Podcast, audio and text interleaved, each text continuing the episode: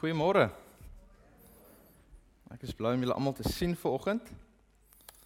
En ek is bly julle almal is hier vanoggend. En hierdie ding aan die gang kry. Dit reën, dis amazing.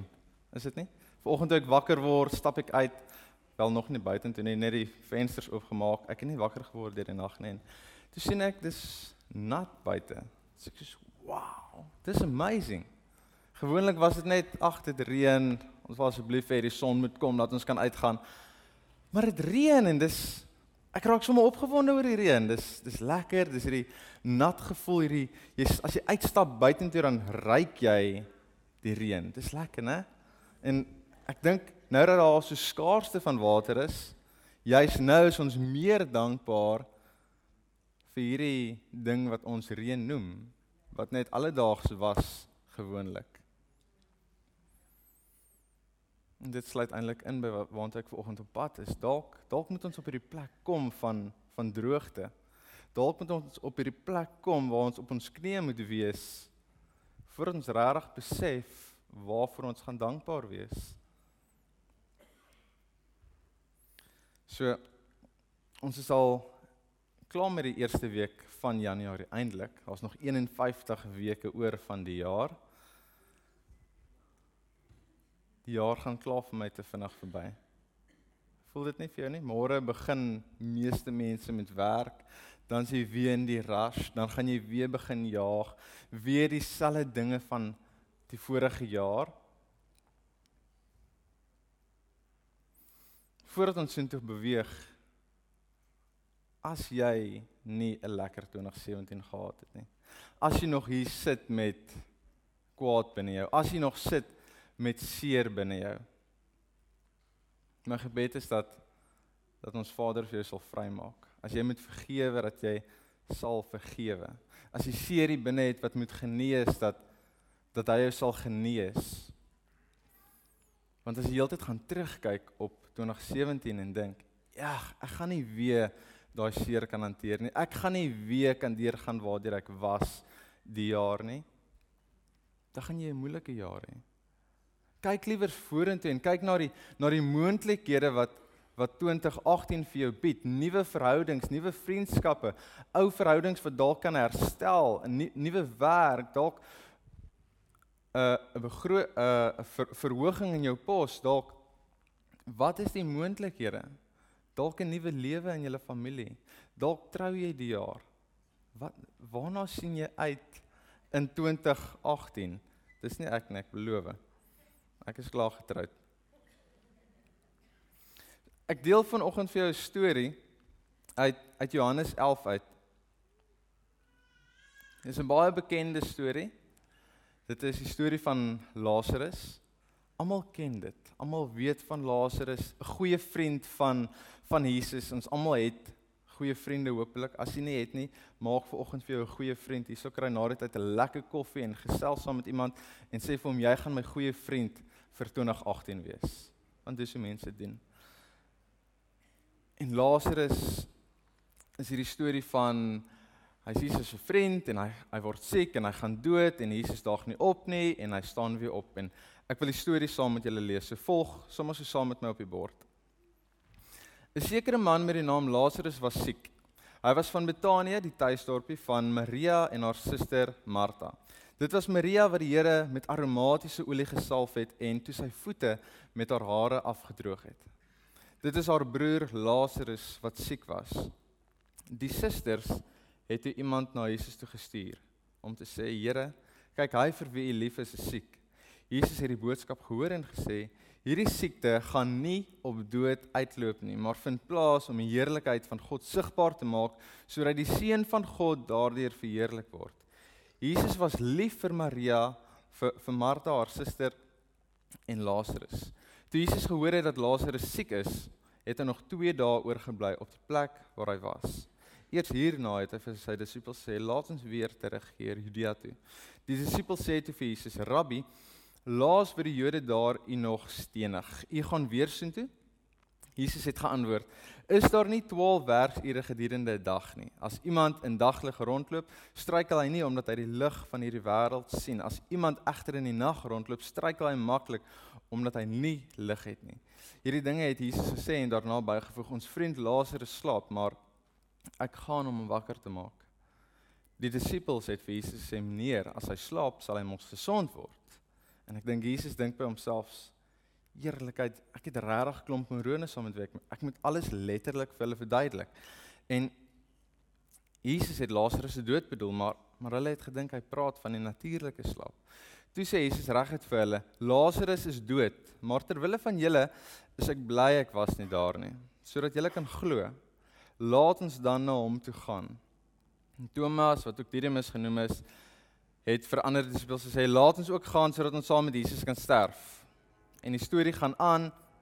Ek gaan nie die hele storie lees nie. Jesus kom by die familie uit waar daar baie seer is, waar waar dit baie morbied is en die susters is kwaad vir Jesus en Jesus vra rol vir my die graf oop. Hy sê daarop het, het hy die klip weggerol. Jesus het sy oë hemelwaarts gerig en gesê: Vader, ek is dankbaar teenoor U dat U na my geluister het.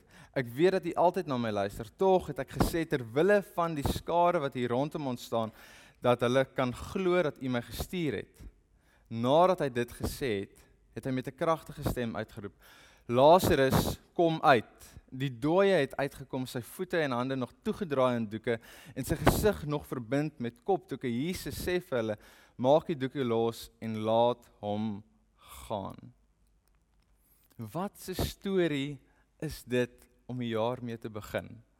'n Storie van van dood, 'n storie van seer kry, 'n storie waar 'n familie iemand verloor het.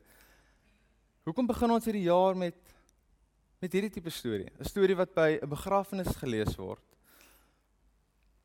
Is dit nie juis waaroor waaroor Christendom gaan nie? Die dood en die opstanding.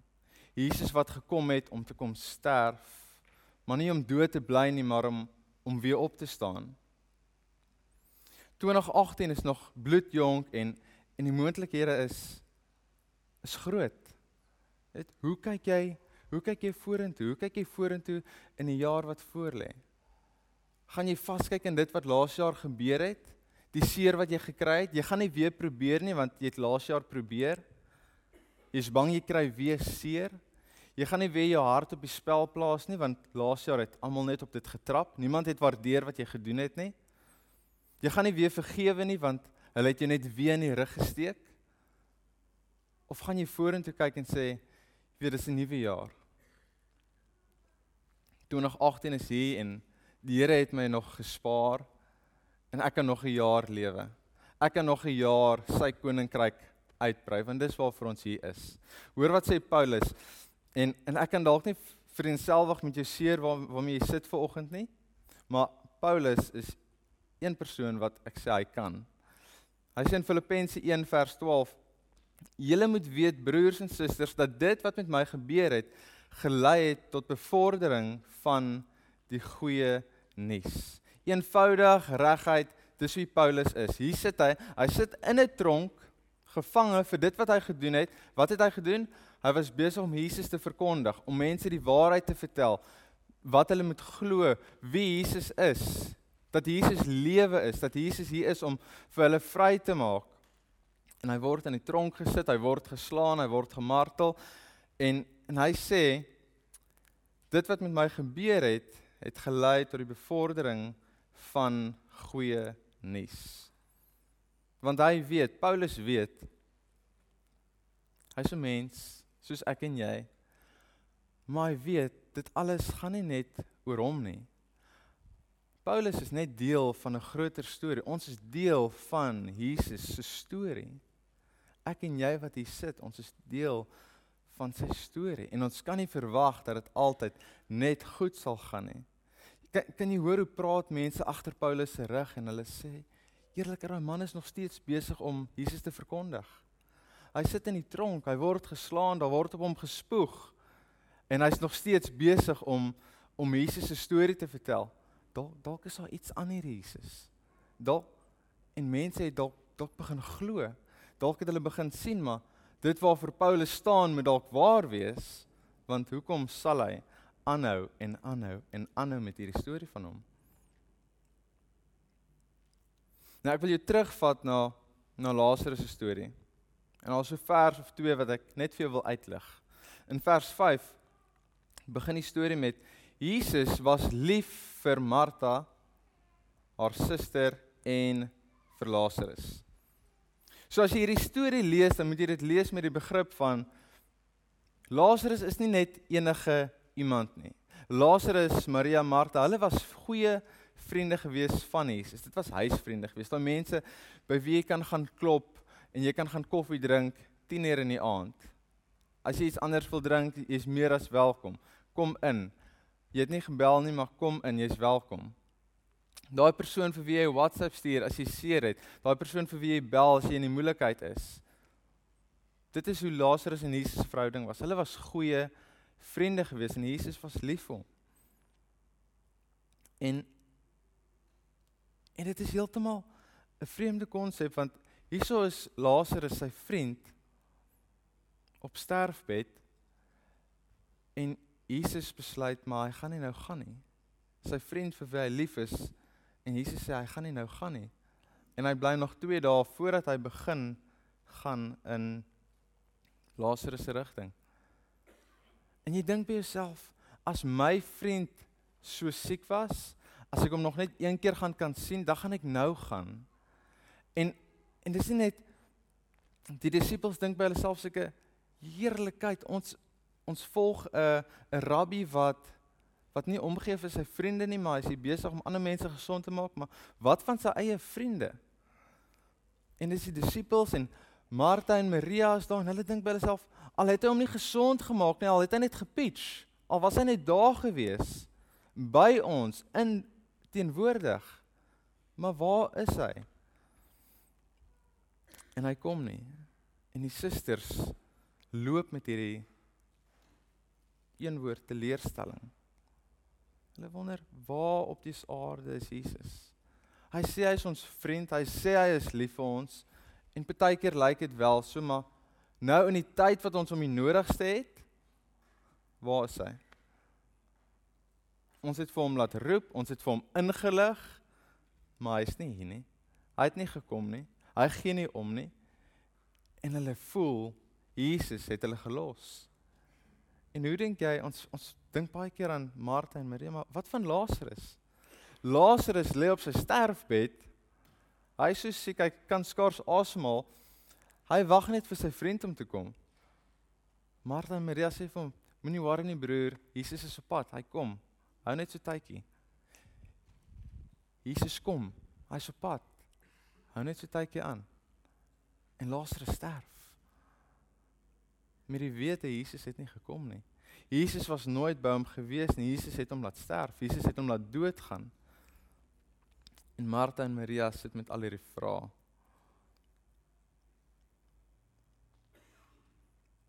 Het jy al gebid vir genesing, vir 'n werk, vir 'n vriend, vir 'n vriendin, vir 'n kind en dit gebeur nie en jy kry seer van jy elke dag vertrou jy, elke dag glo jy Dalk is vandag die dag. Dalk as ek vandag bid, dalk is môre my dag. Dalk gaan die Here dan pitch. En keer op keer op keer kry jy seer. En jy sit en jy's besig om hierdie muur om jou hart te bou en en jy kan nie. Jy kan dit nie meer hanteer nie. En die Here pitch net nie. Vers 14 tot 15 Toe sê Jesus reguit vir sy disippels: "Lazarus is dood, maar ter wille van julle is ek bly dat ek nie daar was nie, sodat julle kan glo. Laat ons dan na hom toe gaan." En die disippels sit met hierdie frons op hulle gesig. Dink by hulle self: "Wat het hy nou net daar gesê?" En ek dink Jesus is besig om al te stap. Hy is besig om na Lazarus se graf toe te stap en en die disippels is net hulle, hulle weet nie wat nou net gebeur het nie. Eers het hy gesê hy slaap, nou slaap hy nie, hy's hy's dood. En nou sê maar is ter wille van ons wat op dese aarde het ons met die storie te doen? Ons is net hier, ons is besig om hom te volg. Nou is dit ter wille van ons dat hy bly is hy was nie daar om hom gesond te maak nie. En terwyl hy dit vir hom sê, is Martha en Maria besig om te treur oor hulle broer wat dood is. Hulle moes deur hierdie pyn gaan. En hulle het hierdie vrae, hoekom? Waarom? Waar is u? Wanneer gaan ons uit hierdie gat uitkom? Hoe het dit gebeur?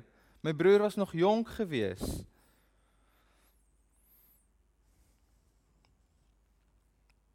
En Jesus sê vir sy disippels dit alles het gebeur sodat sy disippels kan glo. Sodat hulle geloof kan versterk, sodat die mense kan sien wie Jesus is, sodat hulle kan sien hy is die seun van God.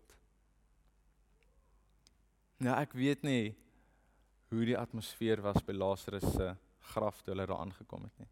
Maar ek weet hoe dit by 'n begrafnis is. Dis morbied, dis hartseer mense is nog besig om te rou. Martha Maria is besig om te rou. Ander vriende is besig om te rou oor hierdie dood en en hier kom Jesus en hy's laat. Hy's laat om vir Lazarus te help. Lazarus is siek. En nou is hy dood. En en hier kom Jesus. Ek is hier asof hy nie weet wat gebeur het nie. En hy vra die vreemdste vraag: "Rol asseblief die klip weg." En Jesus roep met 'n stem vir Lazarus. In 2017 vir Lazarus se dood vergelyk. 2017 was dalk rof geweest vir jou. Dit was dalk terrible geweest vir jou. Jy het nie geweet of jy weer daglig gaan sien nie, maar hier sit jy vandag maar jy het nog nie werklik waar wakker geword nie. Jy het nog nie opgestaan nie. Jy is nog nie reg vir hierdie jaar van 2018 nie. Jy lê nog en jy slaap en jy het nie planne nie. Jy het nie visie vir 2018 nie. Jy sit en wag vir die Here om jou te kom haal. En die Here sê vir oggend vir jou, staan op. En hy kom roep jou uit jou toestand van van hopeloosheid uit uit jou toestand van seer uit want hy kan jou genees. Hy wil vir jou krag gee. Hy wil vir jou hoop gee vir 2018. En hy sê staan op. En Lazarus, die dood, die dooie man het geluister. En vanoggend is dit jou beurt om te luister. Jesus sê staan op.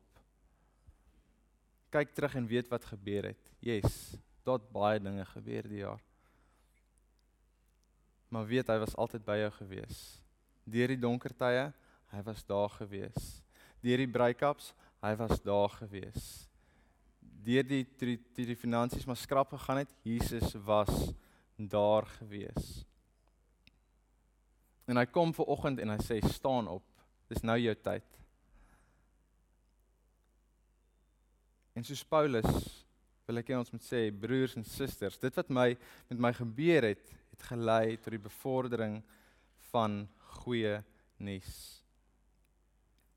Nou die kans dat jy in die vuur gaan beland die jaar dit is 95% dat jy weer deur moeilike tye gaan, dat jy weer gaan sukkel, dat jy weer pyn gaan ervaar, dat jy weer kwaad gaan word, dat jy weer gaan moet leer om te vergewe, weer gaan moet leer om lief te wees. Die kans is daar. Ek dink aan die storie in in Daniël drie van Sadrag, Mesach en Abednego wat wat letterlik in 'n vuur gegooi word. Dis crazy.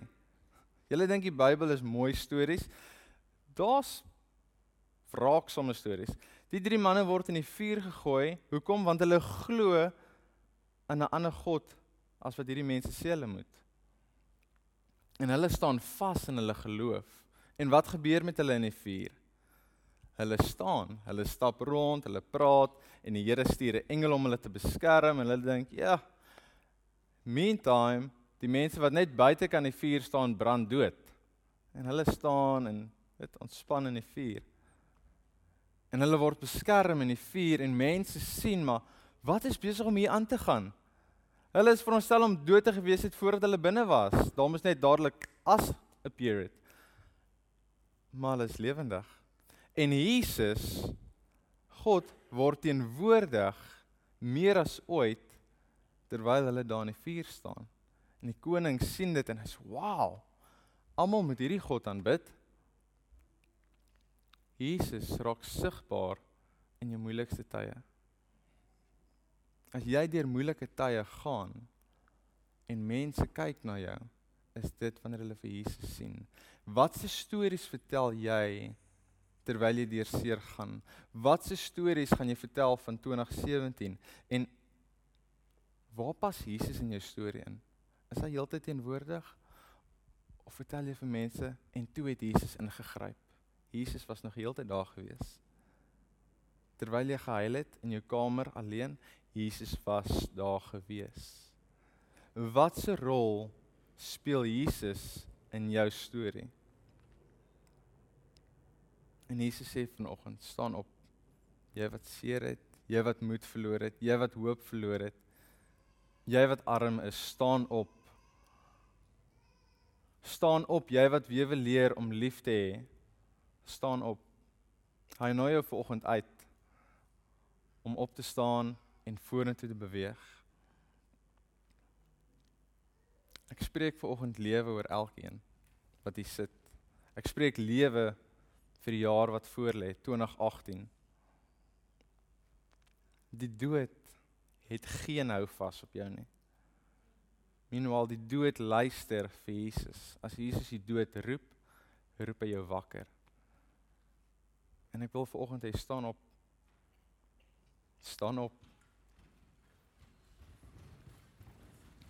As 'n simbool staan ons op en ons sê Here ons sê dankie vir die jaar wat verby is. Ons sê dankie vir moeilike tye. Dankie vir seer tye, dankie vir daai tye wat U ons gevorm het om te wees wie ons nou is. Here, ek vra vergewe ons vir dit wat ons gedoen het in die verlede. Vergewe ons waar ons nie kon vergewe nie. Here, U is ons God en U het ons geskep soos wat ons is. En ek vra vorm ons in hierdie jaar wat voorlê ook vir 2018. Help ons om vorentoe te kyk. Geef vir ons visie, gee vir ons inspirasie. Maar Here, daar waar ons seer gekry het, moenie laat ons bly lê nie. Help ons om op te staan. Help ons om vorentoe te beweeg met die wete dat U krag deur ons werk, dat ons nie goedjies aanpak in ons eie krag nie. Maar Here, dat wanneer ons met hierdie hande aan mense raak, dat ons weet dit is U hande. Wanneer ons loop, dat dit is U voete wat loop. Wanneer ons spreek, dan is dit U mond wat praat met mense. En Here, U spreek lewe, U spreek waarheid. En Here, U genees. Here, ek vra dat U elke hart sal raak sien wat hier so sit vanoggend. Elke seer, elke pyn. En Here, ek vra dat U by hulle sal stil staan. Ons skouers sal vat net vir hulle sê ek is by jou. Weet dit vanoggend ek is by jou. En mag dit waar jy nou gaan omskep word om sy koninkryk te vergroot. Mag jy stories vertel hoe hy groot gemaak word. Mag jy 'n storie van hoop uit hierdie seer kry. En mag jy sien hoe groot jou God is. Ek bid dit in Jesus naam. Amen.